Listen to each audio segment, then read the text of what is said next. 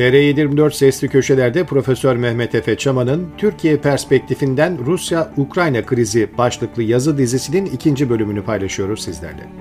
Türkiye 2016'dan bu yana giderek NATO ve Avrupa Birliği'nden uzaklaştığı Rusya'nın yörüngesine girdi.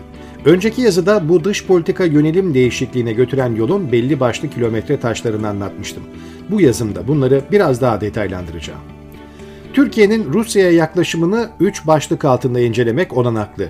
Korku, tercih ve pragmatizm. 1. Korku. Duraklama ve gerileme dönemlerinde Osmanlı İmparatorluğu'nun esas rakibi Rusya oldu. Osmanlı'nın zayıflamasıyla beraber Karadeniz Havzası'nda, Kafkasya'da ve Balkan Yarımadası'nda oluşan güç boşluğunu Moskova doldurdu. 19. yüzyıl boyunca büyük devletler Osmanlı'nın Rusya tarafından yutulmasını engelleme stratejisi izledi. Oyun Moskova etrafında kuruldu. Artık Osmanlı figürandı. Osmanlı karar alıcılarının da dış politika davranışlarında Moskov korkusu esas belirleyicilerin başında geliyordu. Balkanlarda Slav ve Ortodoks etkisini kullanarak ve Osmanlı aleyhine Balkan halklarının bağımsızlığını destekleyerek güç kazanan ve etki alanını genişleten Rusya, Karadeniz Havzası'nı ve Kafkasların Karadeniz kıyılarını kontrol altına alırken Osmanlı gücünü geriletmekteydi. Rusya ve Osmanlı'nın çıkarları böylece diametrik olarak karşı karşıya gelmişti. Aralarındaki ilişkiler neredeyse sıfır toplamlı bir oyuna dönüşmüştü. Birinci Dünya Savaşı'na giren Osmanlı İmparatorluğu kendisine esas yayılma alanı olarak Rusya topraklarındaki Türkiye halkların yaşadığı coğrafyaları belirlemişti. Turancı, Türk üstünlükçü ideolojiyi benimseyen iddiaçlar güç dengesi kurabilmek için bu büyük savaşı bir fırsat olarak gördüler. Hesaplarının bir noktası mantıklıydı. Eğer Rusya savaşı kaybederse Osmanlı büyük bir beladan kurtulacak, geniş coğrafyalara egemen olacak, büyük güç statüsünü yeniden elde edebilecekti.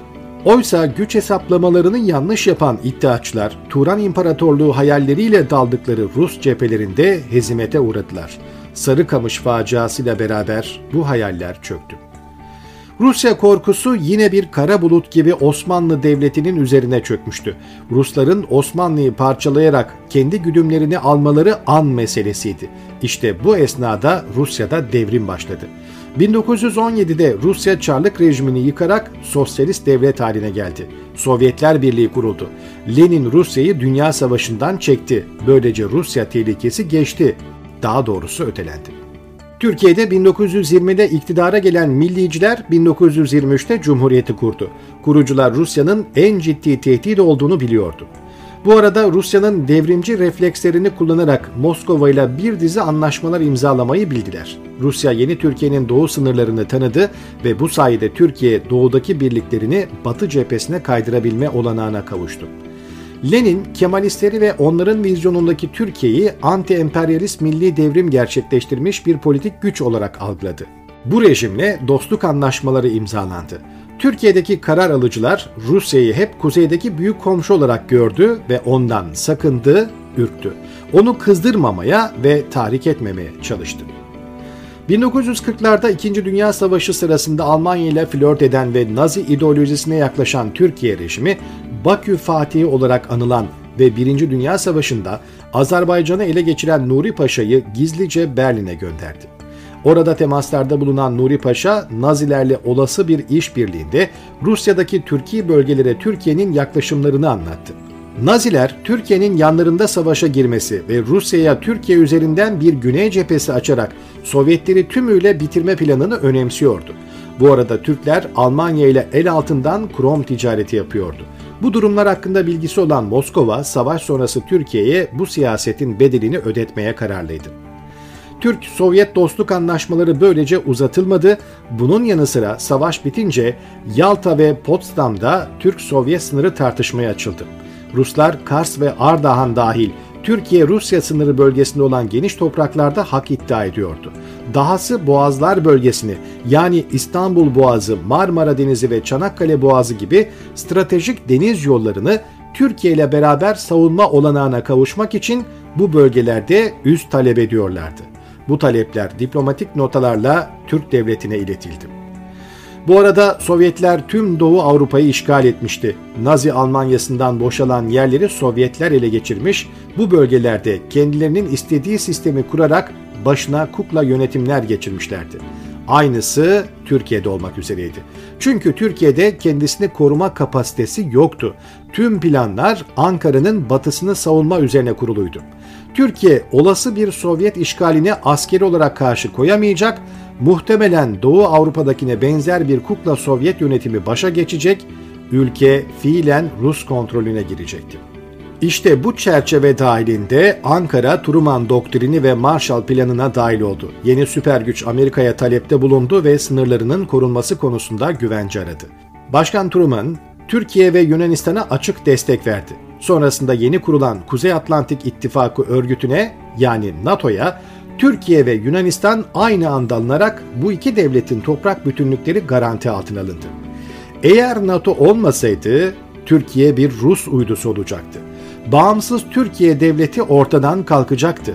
Tüm bu politikaların odağında Rus korkusu vardır ve bu korku gerçekçi ve meşru bir güç analizine dayanmaktadır yani rasyoneldir. Türkiye'nin NATO'ya girişi ve Batı ittifakında yer alışı bir tercihtir. Kimse Türkiye'yi NATO'ya girmeye zorlamadı. Ayrıca Türkiye'nin durumu açıkçası Soğuk Savaş'ta ilk ve tek örnek de değildir.